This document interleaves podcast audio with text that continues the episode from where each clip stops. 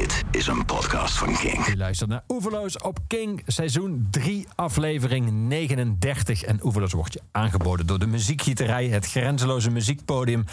En mijn gast vandaag in Oeverloos is een man die anderhalf jaar geleden ook al te gast was in Oeverloos. Dat krijg je met mensen die zo enorm productief zijn als Ewout Kieft. Ewout, welkom terug. Dankjewel. Fijn dat je er bent. We gaan het iets over heel iets anders. Nou ja, niet heel iets anders, want we gaan het over een boek hebben van jou. Dus in die zin uh, uh, zijn er uh, overeenkomsten met jouw vorige bezoek aan Oeverloos. Maar het is wel een heel ander boek en een ander soort boek. De vorige keer spraken we over jouw roman die toen zojuist uit was, De Onvolmaakten. Maar nu gaan we praten over aan de aanleiding van het verschijnen van jouw nieuwe boek. En dat is eigenlijk de, nou je zou kunnen zeggen de biografie en meer. Uh, want het is namelijk ook een persoonlijk boek van Concerto. De wereldberoemde, echt letterlijk wereldberoemde platenzaak... die al 65 jaar bestaat in Amsterdam. Daar heb je een boek over geschreven, uh, Concerto, uh, wat wel helder is. Ja. en ik dacht, misschien is het wel aardig om...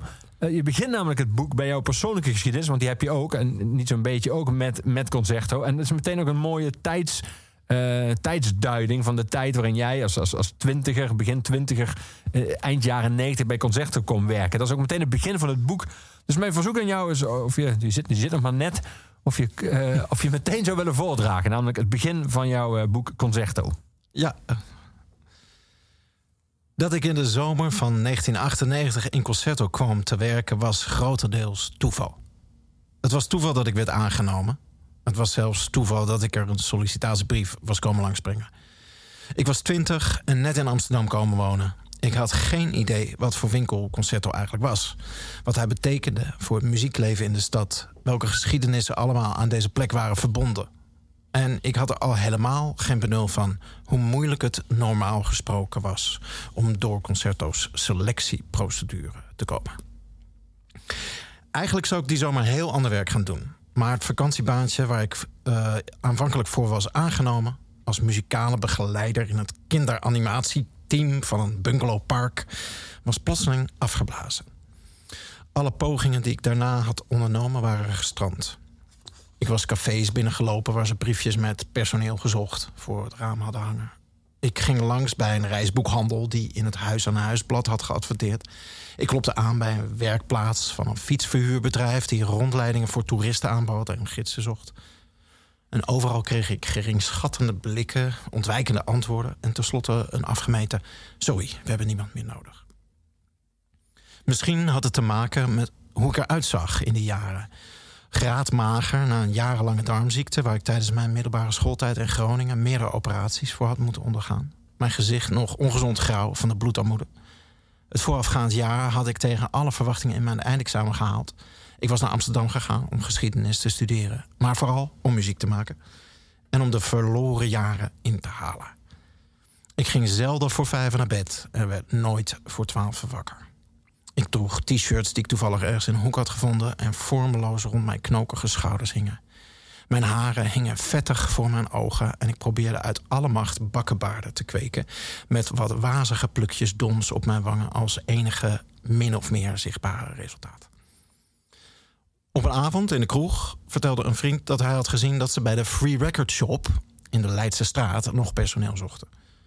Voor wie zich die winkel niet meer herinnert, de Free Record Shop was een keten van CD-winkels die door elke rechtgeaarde muziekfanaat werd beschouwd als de aardsvijand van de goede smaak. Eigenlijk van alles wat muziek de moeite waard maakt.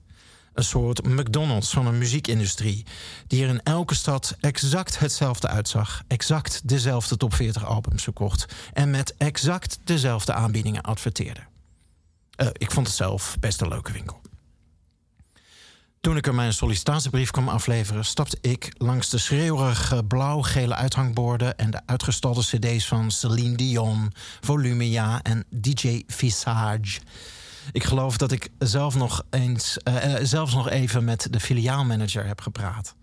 Het enige wat me er nu nog helder van bij staat, is dat ik de winkel rondkeek, mijn ogen langs de reclamezuilen en de koude stalen CD-rekken liet gaan en op dat moment de ingeving kreeg.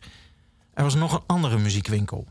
Een waar ik nog maar een paar keer was geweest, maar die meteen indruk op me had gemaakt. Als ik toch bezig was, kon ik net zo goed ook daar een brief afleveren. Terug op mijn studentenkamer drukte ik op de startknop van de vaals, uh, vaalgrijze kolos... die de helft van mijn bureau in beslag nam... en langzaam ronkend en piepend op gang kwam. Na enkele minuten verschenen op het zwarte scherm... de groene, flikkerende letters van mijn sollicitatiebrief. Ik verving de woorden Free Record Shop door concerto's. Het verhaal over mijn liefde voor muziek liet ik intact. Ik beschreef hoe ik als kind van een jaar of zeven de halve dag hamerend achter de piano zelfverzonnen liedjes had zitten brullen. Tot de buren voorzichtig aan mijn ouders vroegen of het niet een idee zou zijn om mij op het Groninger kinderkoor te doen. Later, toen ik een jaar of 15 was, was ik met mijn beste vriend liedjes gaan schrijven. En nu in Amsterdam speelde ik in een folkpunk bandje.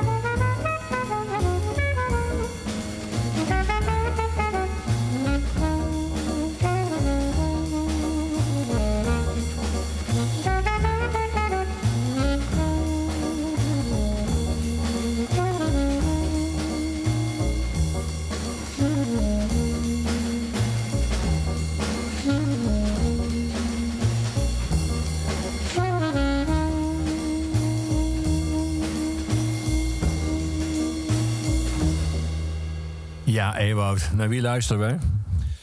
Dave Brubeck. Ja, dat zul je nooit meer vergeten. Nee. Een hele gemene vraag, want na die scène die jij zojuist voordroeg... het begin van jouw boek Concerto... komt in het boek het moment dat je inderdaad daadwerkelijk die sollicitatiebrief stuurde... ook op gesprek mocht komen... En eh, het, kijk, blijkbaar altijd onvermijdelijk moment komt dat je eh, muziekkennis getest wordt. En eh, was de vraag aan jou als een klant zou komen die naar eh, deze plaats zou vragen waar je naar welke bak je dan met die klant zou lopen. Ja. En ik keek eh, Gert, dat was de baas toen, een van de twee bazen, eh, glazig aan. En ik had geen flauw idee. Ik had nog nooit van Dave Brubeck gehoord. Maar ik had de mazzel dat Gert zijn vraag niet heel handig stelde.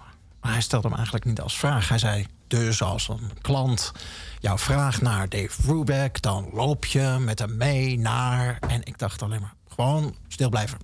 Ik zeg niks. en en eh, ik, ik betwijfel zelf of, of, of ik echt door had dat het een vraag was. Dus ik, ik, ik wachtte gewoon af. En hij maakte zijn eigen zin af, dom genoeg. Hij zei, nou, de jazzbak. En ik knikte alleen maar schaapachtig. Alsof ik eh, natuurlijk wist dat dat zo was. Ja. En dat was gelukkig ook de enige vraag. Je zet jouw eh, eigen eh, eh, fysieke gesteldheid van dat moment en jouw uiterlijk zet je vrij genadeloos neer in, hierin, hoe jij er zelf uitzag. Er zijn zaken, winkels in de wereld waar representatief voorkomen van de verkoper als voorwaarde wordt gesteld. Is er ooit bij een concert iets over gezegd? Van kun je misschien een t-shirt aandoen dat niet, in de hoek lag, maar een soort van, een soort van gestreken lijkt? Of eh, maakt dat bij concerten helemaal niet uit? Nou, het maakt er niet veel uit. Ik kan, ik, het zou kunnen dat, dat, eh, dat Erwin, de andere basis, zei van... Hey, je kan ook wel eens eh, eventjes eh, iets, iets met geen vlekken erop eh, dra- dragen of zo. Dat, daar let hij nog wel eens op. Maar hij liep zelf ook in een Ramstein hoodie rond. Dus heel veel... Ik bedoel, een platenzaak was wel een van de betere plekken. Eh, en vooral dus een beetje de, de, de een beetje old school, nou ja, stoffige platenzaken eh, als Concerto is en was, eh, was dat oké. En, Ja. en, eh, waren er ook veel van mijn collega's en nog steeds af en toe wel die er ook nog als slonzig bij lopen. Ja, het grappige is dat jij in het begin van het boek eh, een free record shop neerzet. En dan eh, versus concerto, omdat je voor allebei een sollicitatiebrief had geschreven. En dat je free record shop moet je in, in een soort van, eh, doe je ook le- bijna letterlijk, van weet u nog, dat is die winkel. Ja. Dat had, er waren ik denk decennia waarop niemand dat had gedacht. Als je mensen dan had gevraagd, oké, waar zet je je geld op? Ja. Welke zaak, als ik ooit een boek schrijf, over welke van die twee gaat dat dan? En bij welke moet ik de weet u nog vraag inzetten? Dan denk ik Ja. dat bijna iedereen het andersom had gezegd. Ja, dat denk ik ook. En het grappige is dat het juist eh, een beetje de piraten zijn onder de platenzaak. Hoewel Free Record Shop ook als piraat eh, begon, eigenlijk moet ik ook niet vergeten. Maar in ieder geval de minder commerciële en eh, een beetje de, de alternatieve platenzaken zijn die het gered hebben. En de echte grote commerciële zijn kopje ondergegaan. Ja. Ja, en dat heeft. eh, Ja, van Leest had je ook nog. Ja. Dat was ook zo'n keten. Ja. ehm, en en eh, Fame hoorde ook bij de Record Shop. Had je in Amsterdam ook nog. En, eh, ja, ja dat, zijn, dat zijn dus ook gewoon de, de winkels waar mensen die echt top 40 platen en cd's wilden hebben eh, naartoe gingen. En die worden natuurlijk nu helemaal bediend door Spotify of YouTube. Of, Ja. Ik bedoel, de, daar werkt de digitale revolutie gewoon uitstekend voor. Die hoeven ook geen cd's in huis te hebben. En die hoefden dat vroeger eigenlijk ook al niet per se. Nee. Die wilden gewoon even dat lekkere liedje horen. En daar werkt het allemaal perfect voor. Dus hartstikke mooie oplossing eigenlijk. Ja. En Is het alleen ja. dat, denk je? Of ik zou me kunnen voorstellen dat zelfs voordat Spotify en de streamingdiensten, de andere streamingdiensten bestonden, Eh, die mensen toen bijvoorbeeld, ik noem maar iets, de mediamarkt ook cd's ging verkopen. Die ze ook goedkoper verkochten, zelfs dan de inkoopprijs. Omdat ze dachten, als mensen dan toch hier zijn, kopen ze misschien ook een wasmachine. Eh, dat die mensen ook daar, dat de, de binding en het gevoel van loyaliteit, of dat je soort van die zaak ook iets gunt, dat dat bij die zaken gewoon geen rol speelt. Je gaat gewoon waar het goedkoopste is, punt. Ja, ja, dat klopt. Daar, daar zetten ze ook op in. En eh, ja, niemand heeft echt, echt hele warme gevoelens bij, bij, bij zijn, zijn of haar free record shop gehad. Dat is toch een beetje de kruid van, de winkelstraat. Dat je denkt, ja, als hij er niet is, ga ik het ook niet heel erg missen. Nee, Nee. daar heb je wel gelijk in. Ja. Nu ben jij historicus, eh, dus ik, ik, ik probeer me dan voor te stellen, eh, als je denkt over, oké, waarover zou ik een geschiedschrijving willen doen? Wat zijn de voorwaarden? Dat het wel helpt als er bijvoorbeeld een- archief is, als er bronnen zijn die nog in leven zijn of eh, heel veel hebben bijgehouden. eh, eh, maar ook wel dat, dat datgene wat je beschrijft eh, staat voor iets, iets groters, voor, eh, voor zo'n soort van verhaal erachter. Eh, bij dit boek is dat alle drie eh, zo te zien het geval. Eh, ik Ja. krijg lezende de indruk dat, dat, dat je het goede archief hebt kunnen putten. Je hebt vele mensen voor je op en dus duidt dat je nog vele mensen daarnaast hebt gesproken. En omdat je de geschiedenis vertelt van een, eh, een winkel die 65 jaar bestaat en de klanten die daar komen, de mensen die daar werken, vertel jij ook een soort geschiedenis van Nederland, of in ieder geval Amsterdam, maar eigenlijk ook daarmee Nederland eh, van de afgelopen 65 jaar. Was dat dat allemaal samen voor jou de reden om eh, hier enthousiast in te duiken? Of, of, had dat, of was dat eigenlijk wat je juist voordroeg? Eh, namelijk dat je er ooit zelf begonnen bent.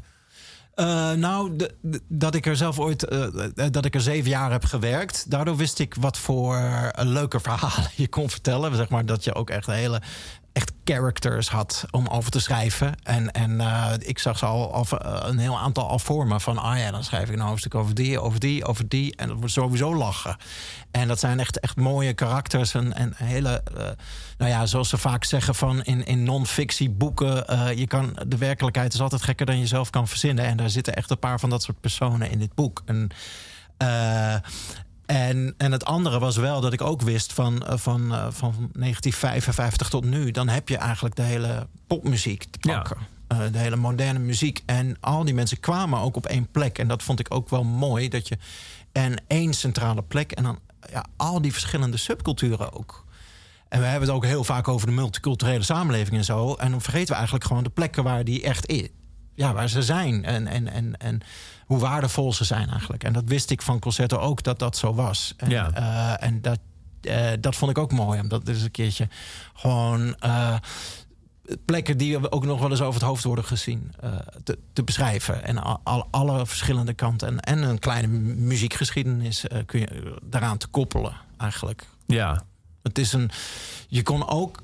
En dat vond ik ook wel mooi. Het is een, een muziekgeschiedenis aan de hand van luisteraars. En heel veel muziekgeschiedenis gaan over de artiesten en over de mensen die op het podium staan en in de schijnwerper staan. En, eh en het, er wordt ook wel wat geromantiseerd vaak of gemystificeerd. En eh, dit zijn heel erg gewone mensen zoals mm, jij en ik. Ja. En, eh, en natuurlijk zoals ook heel veel artiesten eigenlijk eh, dat zijn natuurlijk. Maar, maar eh, eh, dat, dat vond ik er ook mooi aan. Dat je, dat je die mensen hun levens ook kon vertellen. En, Ja. en aan de hand daarvan ook wat muziek eigenlijk doet. En, en wat muziek misschien wel is in, in zoveel verschillende gedaantes. En hoe belangrijk het is. Ja. Dat vond ik ook mooi. Ja. Dat leek je allemaal leuk, dat leek je allemaal mooi. Was het dat ook? Of was het heel bewerkelijk? Of bewerkelijker dan ik op basis van de lezer zou veronderstellen? Nou, het was, nee, het was heel moeilijk. Oh. Eh, eh, ja. Vertel. ja, ik heb ook eh, heel- de, de boeken geschreven. Ik heb een boek met ook heel veel hoofdpersonen over oorlogsenthousiasme. En dat klinkt allemaal veel zwaarder. Maar dit was misschien wel zwaarder. Omdat je ook. eh, ehm, ik heb 60 eh, gesprekken gehad. eh, Van vaak meer dan drie uur. En. En je hebt zoveel informatie en om daar iets van te kneden, wat ook weer eh, werkt, wat ook weer een, een, een spanningsboog heeft en, en waar je mensen mee kan voeren. Dus het was als puzzel. De eh, compositie was moeilijk. de compositie was moeilijk. En, en ook te selecteren. En soms ook hoe ver je kon en mocht gaan eh, met de persoonlijke verhalen. Dat ik ook veel mensen sprak die dat niet gewend zijn. Dus, die, die- dus ik moest eh, ze ook een beetje tegen mij in bescherming nemen, Ja. eigenlijk. Eh, en dat, dat heb ik ook wel gedaan af en toe... eh, door dan ook een versie voor te leggen... en te zeggen van kijk, dit komt er dan in. En dit, gaat dan, nou, dit gaan dan misschien wel duizenden mensen lezen. En, en soms schrokken ze dan ook wel terug. Maar ja, ja, ik dacht dus ook van muziek gaat om hele persoonlijke dingen. En, en dus moet ik ook over jou persoonlijk schrijven. En, en dat, dat was ook heel bewerkelijk. Of Ja. heel, en dan ging het, soms had ik een hoofdstuk waar ik heel blij mee was. En dat moest dan toch anders. Dus, eh, en eh, achteraf ben ik blij omdat het gedaan, dat ik het gedaan heb hoor. Ehm, want het, het, eh, dat is ook een vertrouwen wat, wat zij mij geven. Ja. En het zou niet goed zijn als, als ik daarmee aan de haal ga. En dat zou ook het boek, het boek niet, uiteindelijk niet goed zijn voor. Nee. We gaan ook eh, muziek van jou zelf draaien, Ewart. Althans niet, eh, dat hebben we de vorige ook gedaan trouwens. Je- want je maakt zelf ook muziek, daar gaan we straks nog over hebben. Maar muziek die jij zelf ook heel mooi vindt. En nummers die veel voor jou betekenen. Een daarvan is van Nick Cave. Ehm, eh, There She Goes, My, Beauty, My Beautiful World. Ehm, waarom deze? Ik luister hem heel vaak. eh, van, van, ik, eh, Abattoir Blues is Ja. een van mijn favoriete platen eigenlijk. Eh, de- de- daar kom ik altijd op terug. En er zit een enorme levenslust in. En ik hou van Nick Cave die... Dat je denkt van hoe, hoe kun je dit soort teksten laten werken? Weet je wel, hij kan alles bij elkaar, gooit alles bij elkaar en het, en, en het, blijft nog, het, het blijft nog aanstekelijk en opwindend. Dat Ja. ik mooi van Nick Cave als songschrijver. En zijn, laat, zijn laatste behoorlijk donkere plaats als Skeleton Tree en zo. eh, Die, die draai je ook graag? Me- nou, En graag is misschien zelfs een raar woord bij die plaat. Ja. Want die gaat zo door je merg en benen. Ja, ik vind ze wel goed, maar ik draag ze minder, ik draai ze minder vaak, mo- moet ik eerlijk zeggen. Ik, ik draai dit vaker. Ja. En dat is misschien, eh, ja, hier heb ik meer behoefte aan. ja, ja, snap ik. Ja. We gaan naar hem luisteren. Nick Cave en The Bad Seas.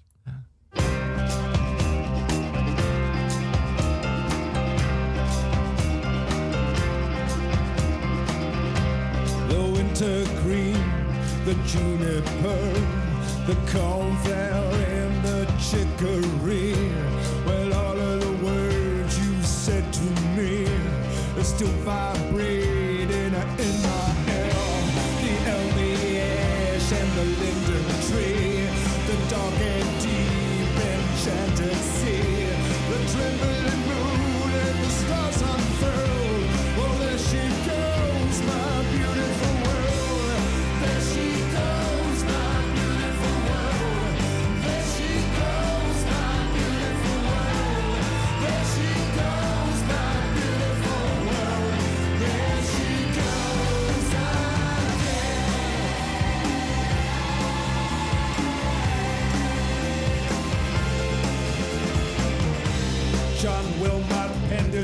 poetry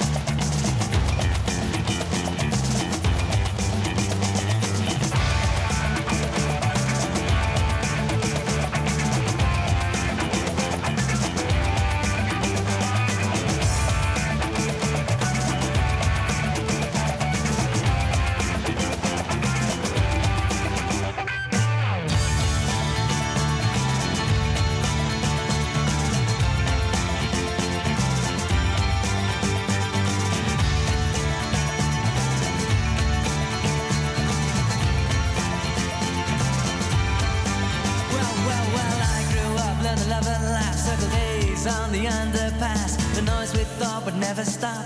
Die to death as a punk crew.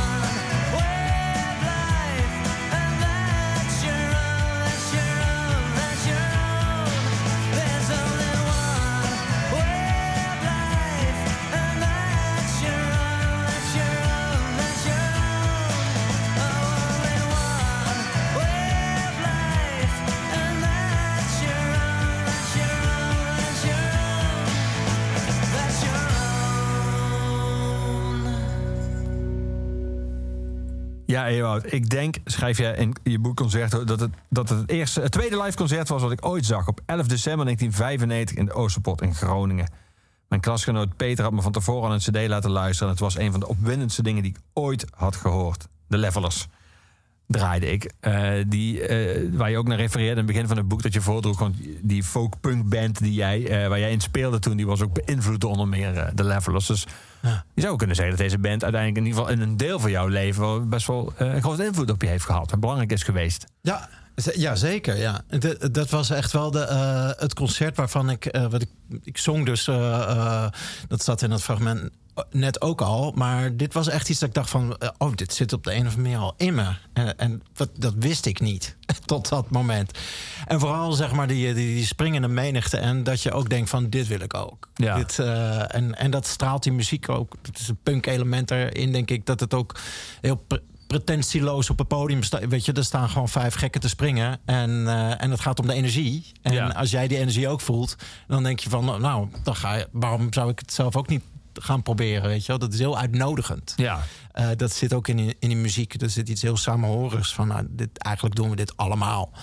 En dat draait het hele ding wat ze uitdragen volgens mij ook wel om. ja. Eh, en, en gewoon, ja, eh, de, de, de liedjes zelf, toch ook, ook het, het folk-ding. Je hoort ook nog wel een beetje Dylan. Je hoort ook wel, er komen dingen in samen, zeg maar. Dus dat vind ik ook wel mooi. Dus er zit een folk-traditie en er zit punk in. Ja. Dus gewoon folk en dan door gasten die wat minder goed spelen. Daar komt, dat is punk meer. nou, dat is onzin, maar, eh, maar dat, dat gevoel. Ja, Ja. ik snap het. Je vertelde net eh, dat je eh, met heel veel mensen, 60 mensen, en ik heb gesproken, soms urenlang. Ehm, als die vertelden over wat concerto nu voor ze betekent, en eigenlijk ook gewoon muziek, platen kopen en sommige artiesten voor ze betekenen, was dat voor jou één groot feest de herkenning? Of merkte je dat er heel veel verschillende manieren zijn waarop mensen zich verhouden tot muziek, of waar ze wat eh, uithalen in muziek, of waar ze wat aan hebben in muziek? Ja, het was. eh, eh, sommige verhalen waren, waren heel. ehm, nou, elk verhaal was wel heel eigen. Eh, de- dus ik had nooit het idee eh, van. Oh, dat heb ik ook. Of. eh, die, die id- identificatie of die herkenning, dat was het niet per se, maar meer van dat het heel erg, wat wel bij iedereen zo was, van er is zo'n inslag. En die heb ik ook bijvoorbeeld met dat concert Ja. van de Levelers gehad. En dat zat er eigenlijk in elk verhaal wel. Van toen hoorde ik dit nummer. Er was altijd zo'n moment dat iedereen nog, iedereen nog, nog wist van dit was het bepalende moment. Ja, dus een van de hoofdpersonen, eh, een van de mensen, de, de- die hoofdpersoon is van een hoofdstuk is Beb. En Ja. die, die vertelde mij van toen zag ik, nou, eh, toen, toen was ze nog tiener. Toen zag ze bij haar ouders thuis Jacques Perel op de tv. En, en ze, ze verstond geen woord Frans, maar ze zag, ze zag hem zingen en het sloeg gewoon in. En ze kreeg overal kippenvel, weet je wel. Dat, dat vertelt ze. En, en het was nogal dagen daarna zat ze gewoon zo fonetisch Frans na te zingen en zo. En, en, eh, het, en ze zei, eh, ik hoorde daar leed in. Ik hoorde daar gewoon, alles, alles zat daarin wat, waar, ja, wat, wat, wat kennelijk ook met haar te maken had. En dat is het wel elke keer. Eh, bij iedereen eigenlijk. Ja, Dan is er ook weer een andere hoofdpersoon, Bertje, een vuilnisman... die, die, die toen nog geen vuilnisman was, maar een jochie, eh, arbeiderszoon... en eh, zijn stiefvader werkte in de haven en zijn opa werkte in de haven. En hij, had- hij dacht, hij voelde al ergens van... god, ik, ik heb geen zin om dat ook te gaan doen. En hij hoorde de Sex Pistols en Anarchy in de UK. En hij dacht, ik doe niet meer mee. Fuck you. Eh, dat, heeft, dat is een heel ander verhaal dan wat ik heb meegemaakt. Maar het is wel een soort... eh, alles wat er aan de hand is in dat leven... op dat moment, dat, dat komt dan samengebald in een liedje... of in een moment dat het echt zo als een bliksem inslaat. Ja, ja. En dat heeft iedereen, denk ik, wel eh, op een, een of andere manier Ja. meegemaakt. Toch is dat echt, blijft dat toch wonderlijk, hè? Dat, gewoon, eh, dat nummer duurt nog volgens mij geen drie minuten. Dat je gewoon letterlijk in drie minuten iets eh, kunst je leven kan veranderen. Kun je zeggen, dat kan een boek ook, maar dat, dat, daar, daar lees je uren. En een film kijk je minstens twee uur. Maar een liedje kan gewoon in drie minuten kan gewoon iets totaal Ja, omvergooien. Ja, dat is, dat is een. een eh, ja, dat is ongelooflijk als je erover nadenkt. Dat is bijna een soort. Ja, iets religieus zou je bijna zeggen. Van, van, van dat, er, dat er een stem. eh, verschijning. een verschijning. Ja, een soort. soort eh, ja, die blikseminslag is ook al bijna een soort eh, Ja, beeld uit, uit van vroeger. Of van, uit heilige levens of zo, weet je wel. Maar, Ja. Maar eh, ehm, het, dat, is, dat is toch ook een gevoel soms wat heel veel mensen hebben. Van er is een stem die echt tegen mij zingt. Ja. Eh, dat hebben ook heel veel mensen. Als je naar een concert kijkt, eh, ki- eh, kijkt dan heb je ook het gevoel van. Ik begrijp wat, wat jij zingt. Ja, een gevoel van Eh, connectie met iemand die je ja. niet kent, maar waar je het gevoel hebt dat hij ook over jou zingt. Ja. Ja. En, eh, En en- emotie, toch? Als ik jouw boek lees, het is altijd door. Er zijn bij, door- mensen kunnen wel een soort van achteraf met terugwerkende kracht beredeneren waarom ze iets mooi vinden. Maar het de eerste ja, moment is altijd puur emotie. Het is nooit iets heel rationeels. nee, klopt. Oh, wat een interessant akkoordenschema. Dat zal nooit iemand als eerste denken bij nummer. Nee, nee, dat klopt, ja. Dit is een mooie progressie zo van D-mineur naar Gies-mineur. Zeg, wauw, dit vind ik mooi. Eh, ja.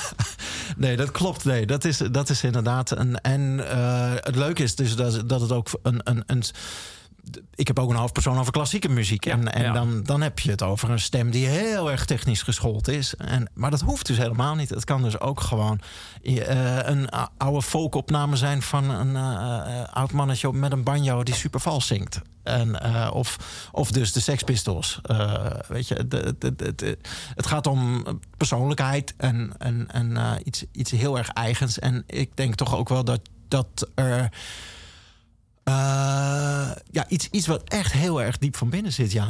Ja, De, ehm, het gaat voorbij opvoeding, of het gaat voorbij opleiding, of het gaat. eh, ja, het, eh, dat, dat is ook wel opvallend. En dat hoort natuurlijk wel bij rock and roll en bij punk en bij eh, ehm, ja, popmuziek.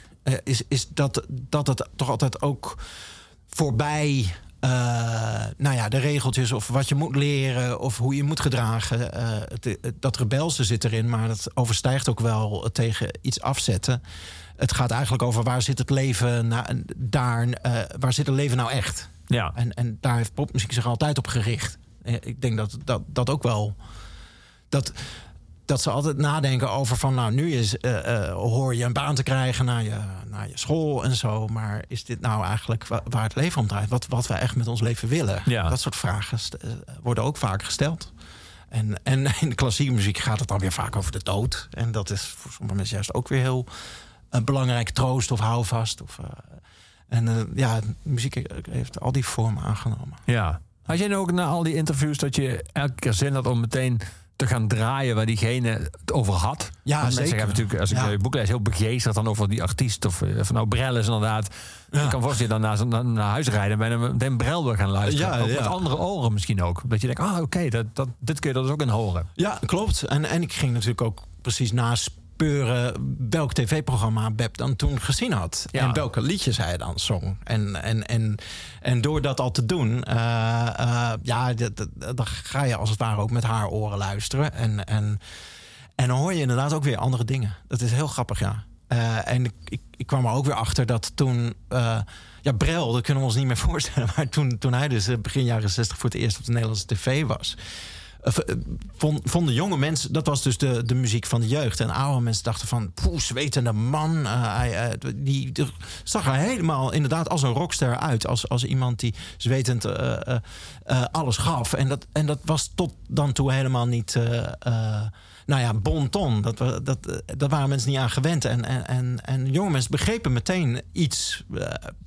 veel, Brels, veel van Brels liedjes gaan over weggaan. Of eh, alles achterlaten. Of, eh, ik, en dat was wel iets wat, eh, waar, waar heel veel mensen wat bij voelden. En, en, ja, ja. en dat soort dingen, als je dat dan luistert, denk je, ja, ja dat voel ik nu ook wel. Dus het, het muziek nodigt ook wel heel erg uit om je dan te verplaatsen of zo. Dat, dat vind ik sowieso mooi. Het is echt, je kan echt op reis daarin. ja. Ja, het- Ik wil muziek draaien van de soundtrack van een film. Een verfilming van een boek waar ik uiteraard ook een paar keer eh, aan moest denken. Eh, het boek High Fidelity eh, van Nick Ja. Hornby in 1995. Over Rob, die de eigenaar is van een, van een, van een platenzaak. De Championship Vinyl. waar hij eigenlijk met zijn collega's alleen maar muzikale kennis aan elkaar toetsen. Bijna soort van tegen elkaar opbiedt. En waar ze ook best wel streng zijn in de benadering van klanten. Klanten die dingen willen kopen die zij verschrikkelijk vinden. Die, die worden finaal afgezaagd. Eh, en hij heeft ook een neiging, eh, die Rob Gordon, om, om alles eh, natuurlijk muziek in te delen in lijstjes, maar eigenlijk gewoon alles, overal lijstjes van te maken. Die, die film en dat boek, zijn die eh, na jouw acht jaar bij Concerto, zijn, dat- zijn die een realistische weergave wat een beetje de vibe is in een goede platenzaak? Ja, nou ja, zeker. Eh, het is wel iets breder dan. Concerto is altijd iets breder geweest dan dat. Eh, je had tegenover Concerto ook nog Get Records. En dat was echt meer high fidelity nog. Maar dat. Concerto is altijd nog, eh, omdat het als tweedehandszaak begon, eh, kwamen er ook altijd mensen voor draaiorgelplaten of voor, weet je wel. En dat- in High Fidelity zou daar echt totaal, die waren niet eens geholpen Nee. daar. Of, of eh, de, volgens mij is dat Stevie Wonder, I Just Called To Say I Love You. Ja. de- de- de- als je daarnaar vroeg, dan, dan werd je gewoon genegeerd. En, en een concert was er altijd van... Altijd een soort spanning. En dat was wel leuk. Van, van, ja, je had de snobs echt. Eh, een aantal collega's van mij die waren ook altijd bezig met lijstjes. En, en, eh, en dat is natuurlijk ook ontzettend leuk. Eh, maar er waren, oh, doordat er altijd klanten ook dan ineens weer naar eh, nou ja, hele cheesy eh, slagers of naar Barbara Streisand op zoek waren.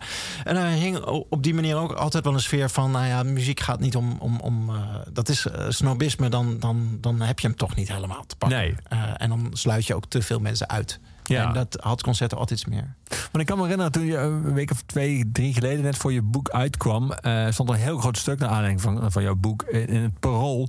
En er werden ook eh, klanten van Concerto geïnterviewd. Eh, en de, jongste van, zo'n meisje, Demi van 24, eh, die vroeg, die kreeg de vraag van journalist, Parooljournalist Peter van Brummelen, of die in eerste instantie, of zij het niet intimiderend vond om een Zagers Concerto binnen te gaan. En toen zei zij, dat vond ik in het begin zeker, ja. Mensen in, in platenzaken werken zijn vaak toch een beetje snobistisch. Eh, dus kennelijk is dat toch iets wat ook zelfs tot op de dag van vandaag aan zo'n zaak kleeft. Ja.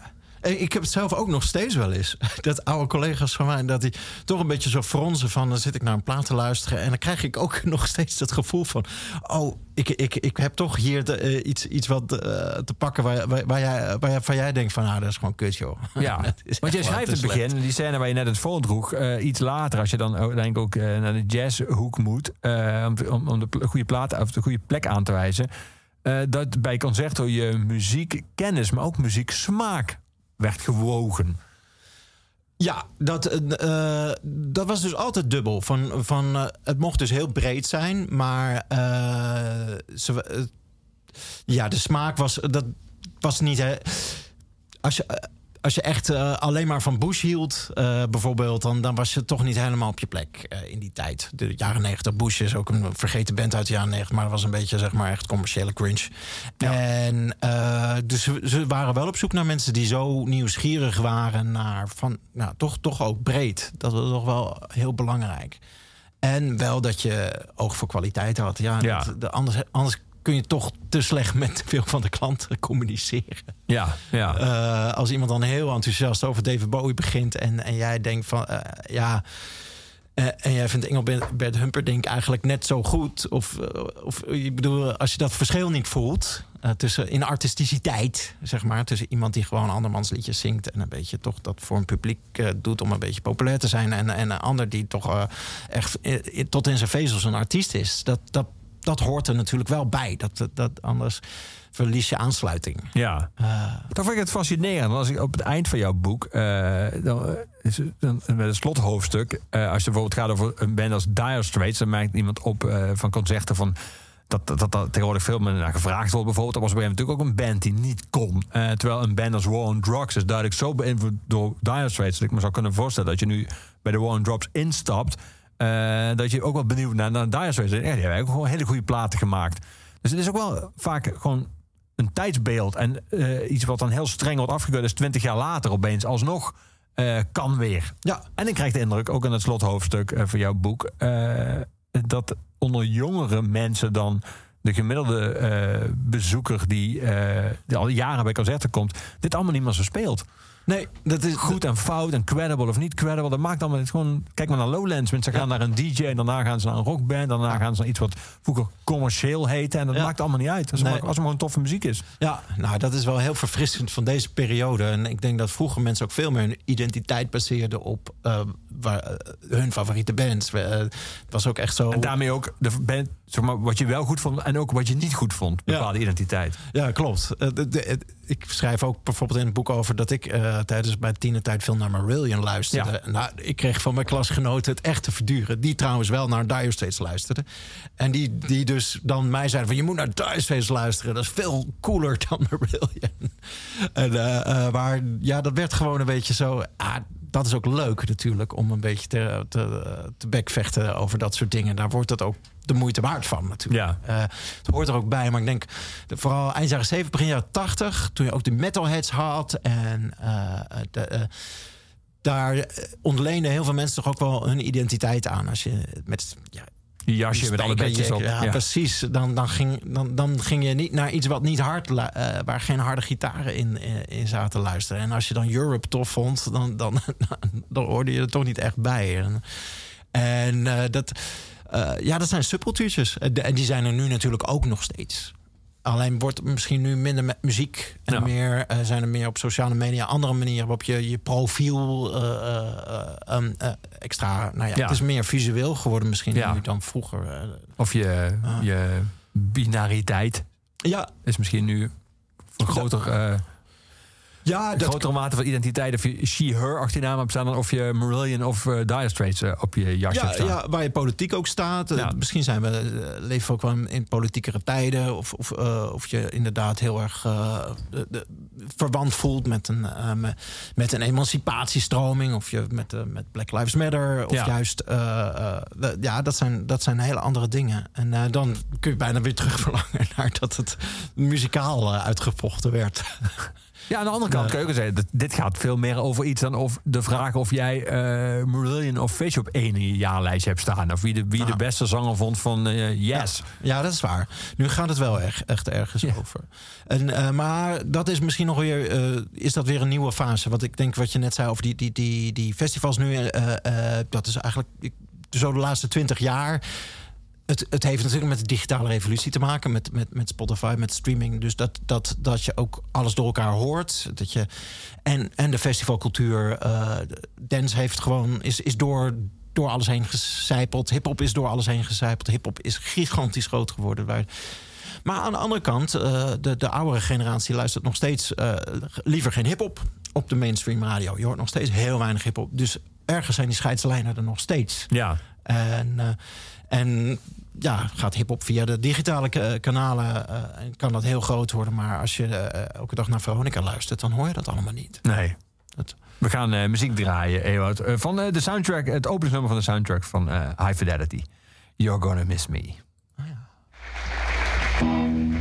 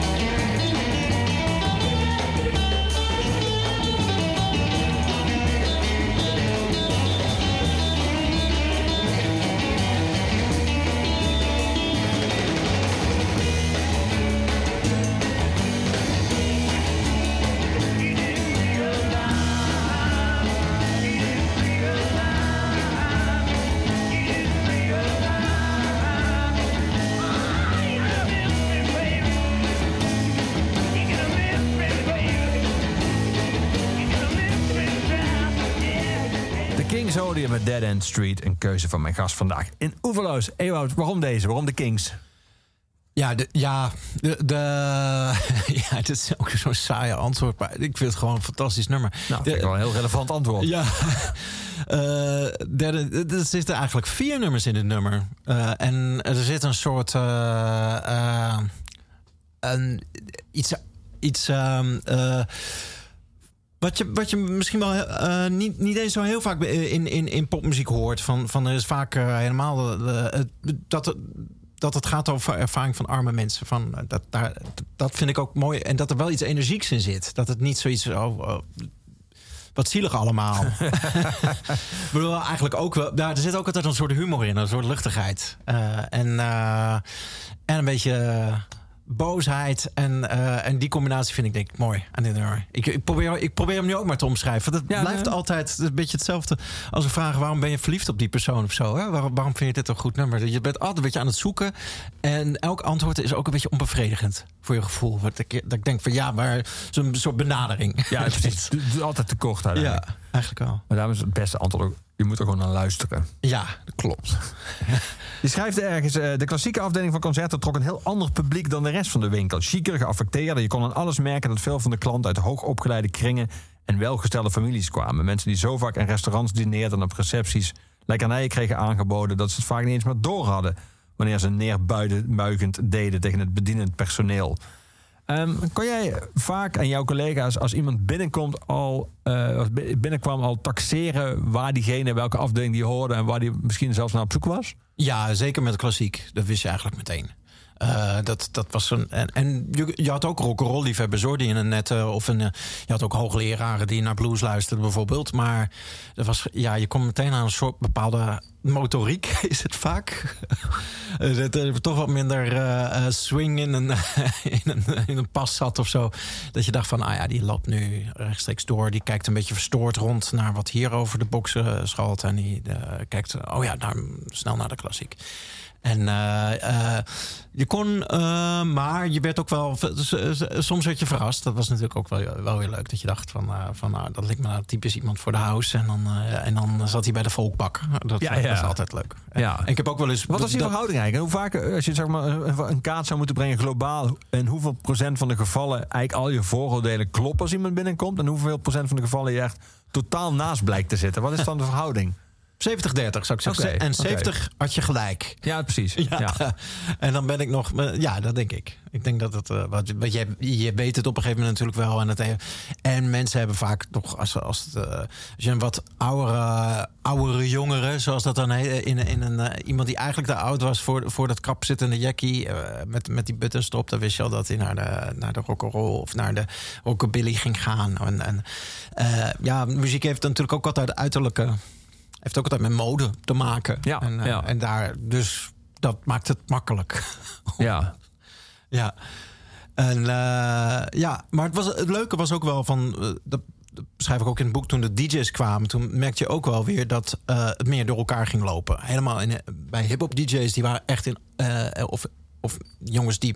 meisjes, maar het waren voornamelijk jongens, die. begonnen met draaien. En die konden ook gewoon in de pakken van, van Griekse balalaika muziek of eh, Turkse of Mongoolse keelzang of weet je wel. Dat je, de, en, en dan weer naar metal. Dit, dat kon alles door elkaar lopen, want die, die, die, die waren heel open. En die waren natuurlijk ook altijd op zoek naar een klein stukje wat gewoon werkte. En, en wat misschien net een groove in zat. Ja. Jazz- van jazzrock tot, tot eh, funk. Eh, dat is natuurlijk wel gewoon de basis. Waar, waar ze altijd wel geïnteresseerd in waren in die hoek. En, eh, nou ja, en, en, en technisch. ik, ik, ik ken ook Don Diablo bijvoorbeeld nu. Een vrij wereldberoemde Ja. electro-dj. Die kwam elke zaterdag. En we hadden heel veel bekende DJ's die... die, die die, eh, eh, en die, die kon dan ook ineens opveren. En, en eh, als, als we iets van de small faces draaiden. En vragen van, jezus, wat is dit? Dat is te gek zeg. En, dus dat was ook leuk aan, aan, aan heel veel klanten... dat die zichzelf ook lieten verrassen. En, en dan ineens... ik geloof dat Joost van Bellen ook een tijdje country heeft gedraaid in zijn sets. nou ja, dat is... Ook dat is natuurlijk veranderd. Als ik dan nu over nadenk, ik stel me dan Don Diablo voor die achter die bak staat en de Small Places hoort. eh, die moet dat aan jullie vragen. En nu zou hij zijn telefoon omhoog kunnen houden, kunnen shazammen en eh, Ja. kunnen zien dat het de Small Faces waren. Ja, nou, ik geloof dat het toen net ook al wel kon. Maar het is, het is gewoon ook leuker om, dat, eh, om het gewoon te vragen. En, Ja, het is zeker leuker. Maar is, dat ook, is dat ook, denk je, de, eigenlijk bij precies dit de essentie van een zaak als eh, Concerto? Dat het, al het andere kan ook. Je kan het ook online bestellen, je kan het ook streamen. Maar het is gewoon leuker Ja. om in een winkel met andere mensen een gesprek te hebben. En iets in je handen te hebben en contact te maken en zo Ja. enzovoort. Ja, ja, uiteindelijk zat ik ook eh, na afloop van het boek, dat denk van, eh, zat ik te denken van, wat is, wat is het nou dat, dat eh, wat, wat ik en, en al deze mensen die ik net heb beschreven, nou zo belangrijk vinden, waarom muziek eh, zo, zo, zo belangrijk is en waarom het inderdaad in die platenzaak plaatsvindt en, en waarom het, nou, het kan natuurlijk ook op YouTube en het kan natuurlijk ook eh, via Spotify. Het gebeurt ook, maar het is toch iets extra's. En ik denk toch dat het, dat het idee van een plek waar je ook een- waar je mensen ontmoet en waar je echt in contact komt met het andere. Ja. eh, gewoon echt iets anders. Want dat valt wel heel erg op van dat heel veel mensen. We hadden het net ook al over die bliksemflitsen. Dat is het totaal andere. Dat is niet iets wat een algoritme zo kan berekenen en denken van, nou, dit is ongeveer jouw smaak en gebaseerd op wat je eerder geluisterd hebt, zul je dit ook wel leuk vinden. Nou, het is heel vaak dat je denkt van, oh leuk, maar het is geen bliksemflits. Nee. Een bliksemflits is elke keer dat je denkt, wat de fuck is dit? Ja. En dat is eh, net wat anders. En dat gebeurt toch vaak op plekken. Dat gebeurt ook op een festival. Eh, dat je gewoon een tent binnenloopt en, en geen flauw idee wat voor bandje daar draait. En dat je, of eh, inderdaad, eh, wat, wat, wat zo leuk is van festivals nu, is eh, voor hetzelfde geld kom je prak je tent uit, je gaat naar een tent toe en je hoort ineens iets klassieks. Of, eh, eh, of dan ineens, eh, eh, terwijl je een rockliefhebber bent, eh, sta, je, sta je in een house tent. En, en denk je ineens van, wauw, ik wist niet dat ik van house hield. eh, weet je wel? En dat, Ja. dat maakt muziek zo leuk. En concerto ook. Eh, en en dat, is, eh, dat is iets, dat is een ervaring die toch het best werkt als je ergens bent. eh, met anderen. En, en inderdaad, leuker. Ja, Ja. dat is het denk ik zeker. Je zei het al net, er werd ook al iets bepaald van, het, ehm, van de sfeer bij Concerto... door het feit dat ze altijd ook begonnen zijn als met tweedehands platen. Jij werkte ook op de tweedehands afdeling in het begin. Daarmee leer je natuurlijk ook niet alleen mensen kennen die iets kopen... maar je leert ook mensen kennen die iets komen, die iets komen brengen... die zelf met iets komen. Eh, Ja. je, je had op een gegeven moment eh, meneer Lettinga aan eh, in, jou- in jouw boek... Eh, Lettinga's neiging om op de achterkant van de plaat... hoe ze hele pagina passage van recensies uit de jazz-tijdschrift Downbeat over te schrijven... of ze uit te knippen en erop te plakken. Zouden de meeste platenverzamelaars nog wel kunnen belijken. Maar er waren vele honderden platen die hij nog grondiger onder handen had genomen. Dit soort, dit soort, zeg maar, eh, ja, hoe zou ik ze moeten noemen? De, ja, dit zijn wel de parels natuurlijk onder de, onder de eh, muziekliefhebbers. Deze kleurrijke mensen die ook zelfs op een kleurrijke manier met de muziek omgaan. Ja, ja dat, dat klopt. Lettinga was, is echt wel legendarisch, omdat hij... een van- Paradijsvogels, dat woord zocht ik. Ja, Ja. precies, ja. En, en de oprichter van Concerto, die noemden ze altijd liefkozend vreemde vogels, inderdaad. Ja. En als je daar werd aangenomen, dan waarschuwde die ook een beetje van... je weet wel dat hier ook wel vreemde vogels komen in de winkel. En, dat, eh, en dan moest je ook echt, en wij ook, dan moest je ook echt wel een beetje liefdevol of geduldig mee omgaan. Dat hoorde er gewoon bij. Je zette ze niet uit de winkel of zo, ook niet... Er zijn ook nog zoveel mensen die ik niet in, die ik niet in het boek kwijt kon... dat het er wat te veel werden. Maar eh, er is ook het verhaal van, van iemand die zelf ook liever niet met de naam erin wilde... maar die dan, eh, eh, dan bijvoorbeeld 's ochtends... maar nog net wat te veel alcohol in zijn bloed de winkel binnenkwam... en, en dan luidkeels riep... ik weiger nog langer speelbal te zijn van de elementen. En, een goede zin. Ja, dat, en, en, en iedereen knikte dan zo, zo van... hé, hey, daar heb je hem weer. En die hoort erbij, zeg maar. Behalve als hij... Die, die is er wel eens... Nou ja, als hij net de bond maakt. Maar dat, dat is dus ook wat Beb... Die had ook zo'n favoriete klant die... af en toe net wat opgewonden werd van de winkelmeisjes. En dan werd het, kwam het schuim op de mond. En dan, en dan, ehm, eh, maar ze hield wel van hem. Maar dan zei ze wel van... oké, nou wordt het tijd eh, eh, om, om naar huis te gaan. Want je, je, moet de meisjes niet gaan lastigvallen. En, en, en allemaal seksuele dingen over ze roepen en zo. Dat, dat, was, dat was een me-too in de jaren zestig. Nou, en dan was hij een heel onschuldig geval. Dat- Daar hebben ze wel heel veel, veel naardere dingen in meegemaakt toen.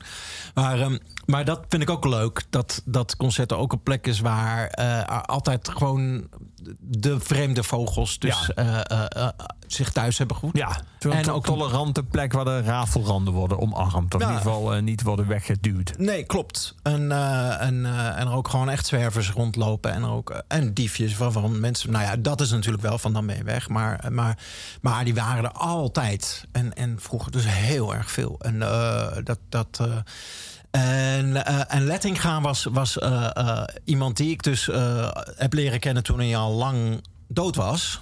Want zijn collectie kwam binnen. En Ja. dat is ook de eeuwige wederkeer van Concerto. Dat belandt toch altijd weer in Concerto, weet je wel. Je koopt je hele leven daar. En dan ga je dood en dan komen al die platen weer terug. En eh, dat is een beetje... eh, ook dat is wel een mooi element natuurlijk. Die kringloop van het leven. Dat die Ja. winkel daarvoor staat. Ja, dat zeker. Ja. En dat waren dus inderdaad platen die hij in de jaren 50 daar had gekocht. Of in andere winkels. Maar dat waren allemaal originele Amerikaanse Blue Note persing, Impuls, Prestige. Nou, dat, dat, die stonden echt gewoon, als, als je die puntgaaf in handen had, 3000, 4000 euro. Maar hij had ze verknipt. Hij had de fotootjes eruit gehaald en de schriftjes. En had hij soms ook gewoon echt pornoplaatjes voor in de plaat eh, eh, geplakt. En er een, ja, één enorme. Gelijk zijn eigen, kunstwerk, zijn eigen kunstwerk van gemaakt. ja, ja, zeker. En daar, daar had dan ook eigenlijk zijn eigen stempel. E.J. Lettinga, maître de disque. En eh, eh, eh, dus hij was er ook trots op dat hij dat deed. Maar de, nou ja, die deden wij dus in de bakken. En dan kwamen dan die jazzverzamelaars die dachten... "Oh, een originele Henk Mobley uit, weet ik veel, 53. Amerikaanse persing. Ze dachten echt van... oh, en die netwit achter de balie heeft dat veel te goedkoop geperst. Dit is de beste dag van mijn leven. En dan klapte die, die plaat open... en dan staarde een, vagina hem aan... die Lettinga ooit in had ge- geplakt. En ik zat dat, dat eh, natuurlijk wel geamuseerd gade te slaan. ja. Ja, dat waren, eh, ja, dus dat, dat, eh, maar ja, de Lettinga, eh, dat, dat vond ik, ik waardeerde hem al bijna als een soort engel der, der eh, als, als, als iemand die voorbij zijn graf nog de, de al te serieuze jazzverzamelaars een beetje te kakken zet. Ja. dat, dat- daar waardeerde ik hem alleen al om. Of misschien ook wel de mensen die. een, ik heb denk dat dat wel toegenomen is met, met de laatste heropleving van vinyl. Mensen die wel heel erg niet alleen kicken op een bepaalde persing vanwege de emotionele waarde, maar ook vanwege de financiële waarde. Is bijna een soort van beleggingsobject geworden. Eh, Ja, zeker met jazzplaten is denk ik... De, jazz is de eerste eh, muziekstroming waarin dat heel duidelijk was. Van, van dat persingen eh, ook duidelijk meteen financiële waarde hadden. En stegen. En, en dus als je een Amerikaanse persing van die grote Amerikaanse labels had... uit de jaren 50, dan nou gewoon heel erg netjes behandelen. Eh, ja, ik ken ook zelfs klanten die ze niet draaiden. Eh, dus letterlijk gewoon, gewoon tien eh, verschillende versies van diezelfde plaat, van hetzelfde album hadden. En ze gewoon gesield.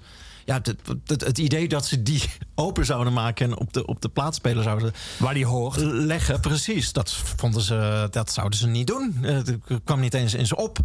En dan heb je wel met postzegels verzamelaars Ja, te maken. Ja, dus daar. Ik kan dus me voorstellen dat je, als je in een platenzaak werkt, dat dat niet nou per se dan altijd de meest favoriete categorie is. Want dat heeft natuurlijk met muziekliefde nou, dat er beduidend minder te maken. Nee, klopt. Dat waren ook mensen die vaak ook wel... eh, bij wie het verzamelen ook een de wat neurotische... eh, ja, die, die, dat was iets anders. Die waren, die waren ook niet heel gelukkig of zo. Dus, dus ergens kon... Soms kon je ook wel een beetje medelijden met ze hebben... maar Ja. vaak vond ik ze gewoon heel erg irritant. Want ik was niet de meest empathische van, het, van, de, van de platenzakmedewerkers. En, en ik vond dus dat Lettinga-platen...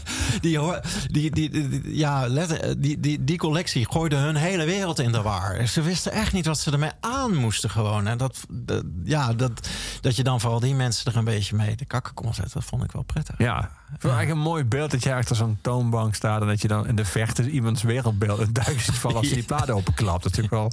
Ja, en ze zwermde ook echt wat. Dan ging je zo'n zo'n nieuwe doos weer prijzen. En, en zaten ze echt zo, ja, gewoon als hondjes zo te wachten op. op, op, ja, dat, dat, dat, daarvan merkte je ook wel van. Ja, dat, dat is, dit is wat te ver gegaan in eh, jouw, jouw verzamelwoede. Dat- Ja. dat- dat Zijn dat vooral mannen? Want dat is beeld namelijk dat ik heb. Ja, absoluut. Dat zijn vooral mannen. De verzamelaars zeker.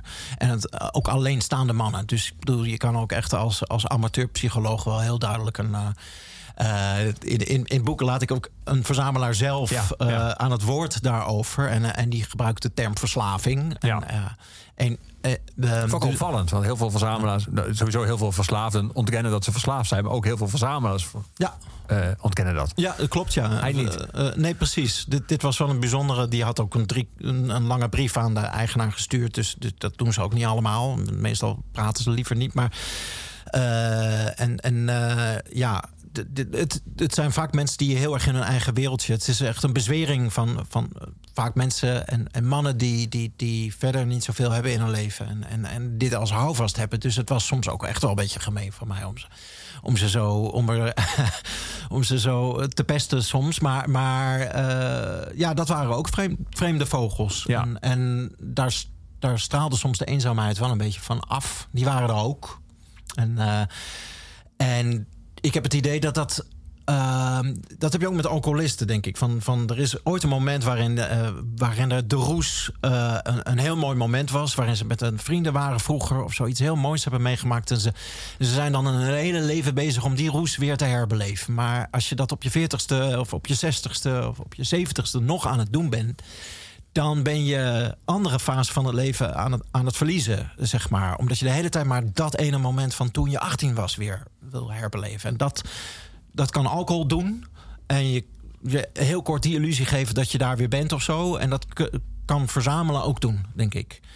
En dat, dat is inderdaad, denk ik, eh, een soort een vorm van verslaving. Ja. En Wouter Molenaar is de zoon van de oprichter, die heel lang ook in concert heeft gewerkt en daar ook eh, eh, lang de eigenaar van is geweest. Die sprak er ook over in termen van verslaving. Eh, en, en die zei van, weet je, de gezonde, vrolijke muziekliefhebber, die, die heeft jaar of vijf dat hij er heel diep in duikt. En, en dan zie je het meestal, als het goed gaat met zo iemand, weet je wel, dat, weet je wel. En dan houdt hij nog steeds van muziek, ik zie ze nog, weet je wel, maar dan wordt het wel luchtiger, gewoon een leuk plaatje nog. Maar dat hele fanatieke is er dan vanaf. En dan, en dan heb je een klein groepje mensen die, die, dan, die ziet hij dan vervreemden eigenlijk. Ja. Van hun omgeving en van relaties die Ja. dan niet lukken en zo. En die blijven daarin hangen en die blijven dat fanatisme Ja. eigenlijk houden. Die reizen dan af naar het kalifaat. Of naar Concerto. Ja, dat, dat klopt.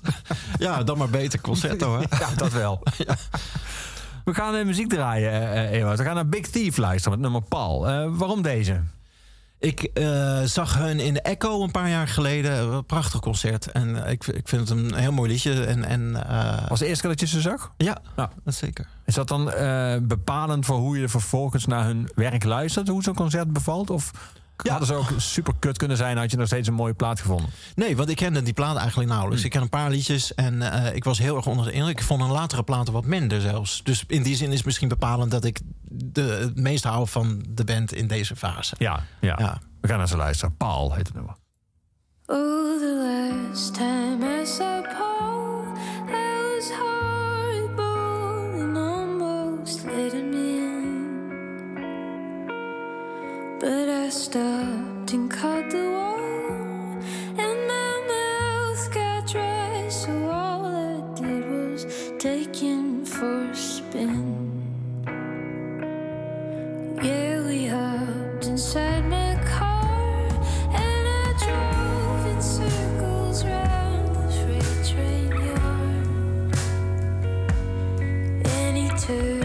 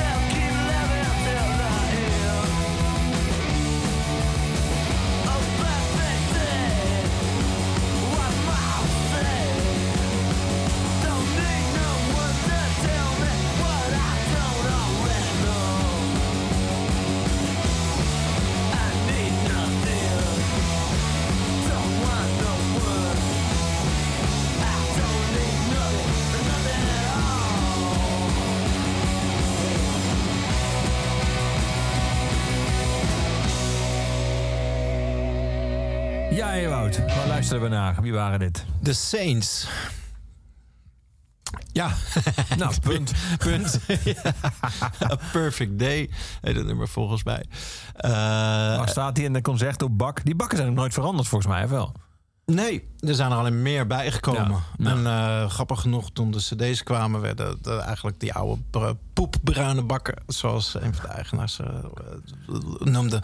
we- werden dat, dat cd-bakken. En, en nu zijn ze weer allemaal platenbakken. Dus er wordt, er wordt nog wel eens wat aangetimmerd. Ja. André en André, die timmerden dat allemaal. En, eh, en En waar zouden we de Saints aantreffen? ah, dit is ook een muziekquiz. de punk. Ja. Ja, dit is wel. Dit vind ik wel echt een oerpunk eh, band.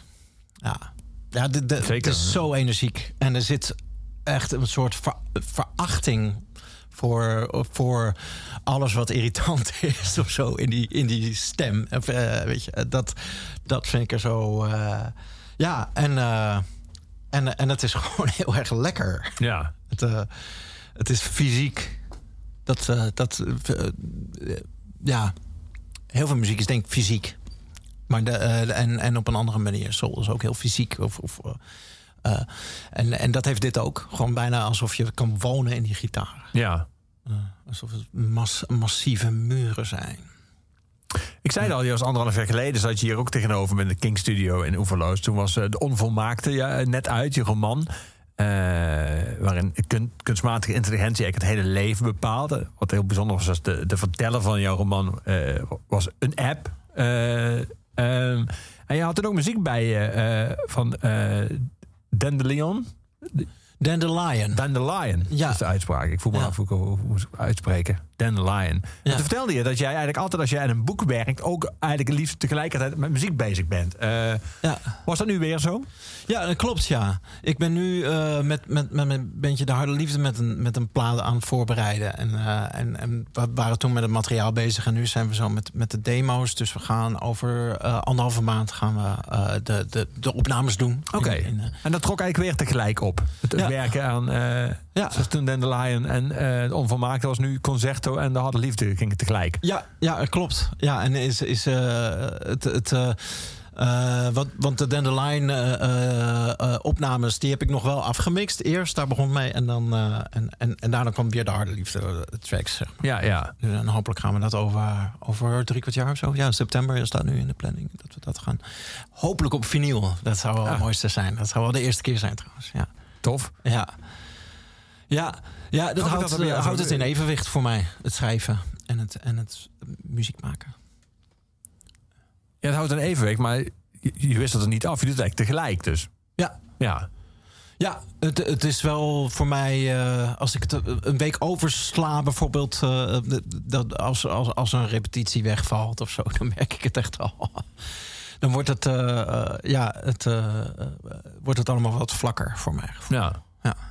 Want is dat met schrijven omdat het, eh, dan ga je te veel in je hoofd zitten of zo? Omdat je te veel stil zit als je schrijft? Of te veel in je eigen in een kamertje in je eentje Ja, dat ook. Dat ook. 60 En- interviews zit terug te luisteren? Van, Ja, en, en schrijven is toch ook iets, iets waarin je een gevoel ehm, eh, reconstrueert eigenlijk. En dat is een, een eh, toch analytischer. Ja. Het is wel verstandelijker. Terwijl je wel bezig bent met emoties, ben je het niet.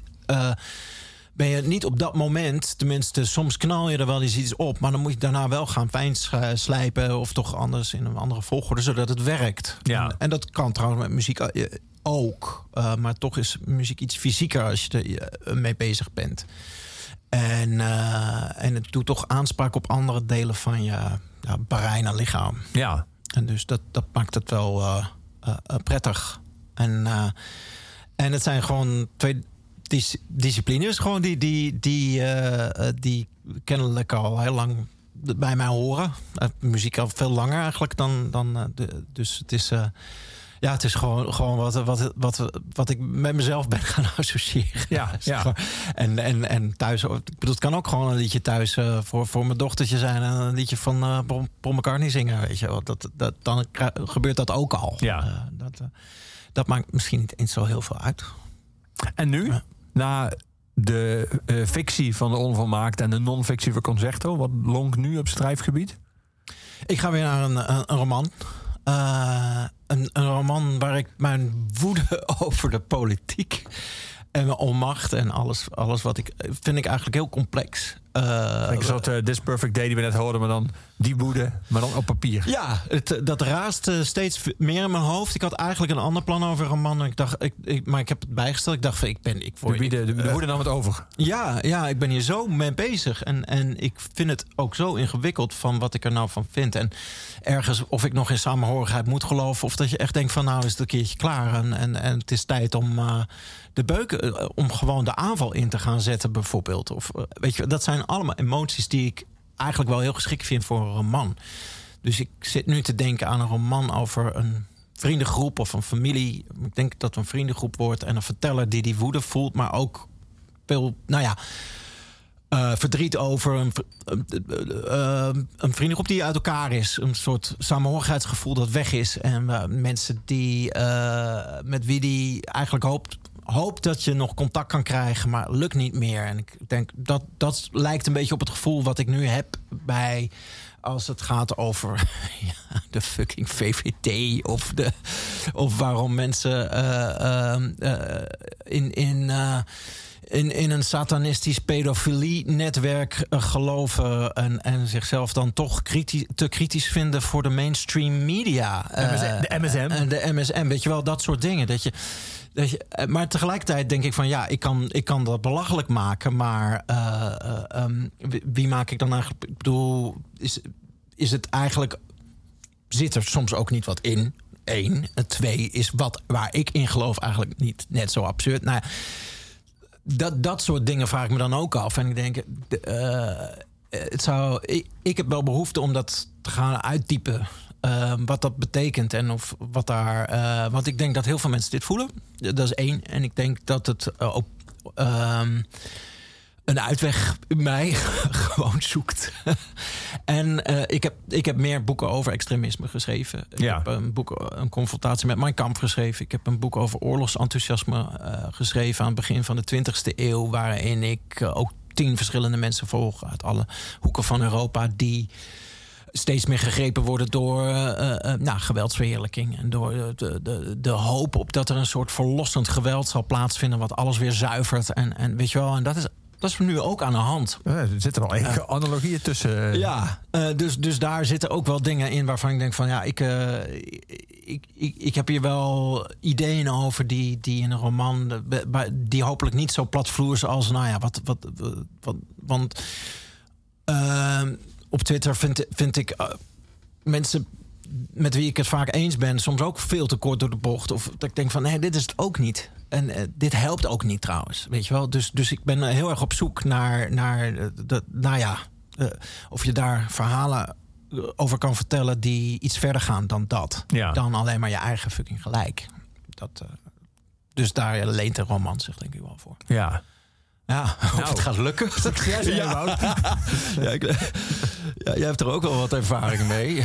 Met je columns om, om, om daar naar op zoek te gaan. Namens alle leden van het satanistische netwerk, succes! Ja. ja, precies. En het islamitische, of ja, de- het genootschap voor de islamisering van Nederland heb je natuurlijk ook. ja. En de Bodetsjanen en de. Ja, ja. dat wordt nog heel gezellig. Ja. Nou, ik, eh, ik nodig je over tien jaar weer uit als die af is. Zet je er tegenover me. Ja. Eh, huilend. Dan zie je er wel net zo uit als toen je bij dingen begon met ons echt- Asgrauw, bloedarmoede. Uitgevallen haren. Wout, dankjewel dat jij was. Ja, Eh, heel graag gedaan. Oeverloos. Concert, zo heet hij, uitgegeven door de bezige bij. Ligt nu in de boekhandel. Eh, we naderen het einde van Oeverloos. Oeverloos werd je aangeboden door de muziekgieterij in Maastricht. Dit was de laatste Oeverloos van dit jaar. Maar volgend jaar zijn we er gewoon weer. Altijd op zondag met een nieuwe eh, podcast. Ehm, het einde van Oeverloos nu en ook volgend jaar wordt altijd verzorgd door onze postuum huisdichter Luc de Vos. Laatste nummer van Oeverloos zal altijd van Gorky zijn. Hier is Gorky met Surfer Billy.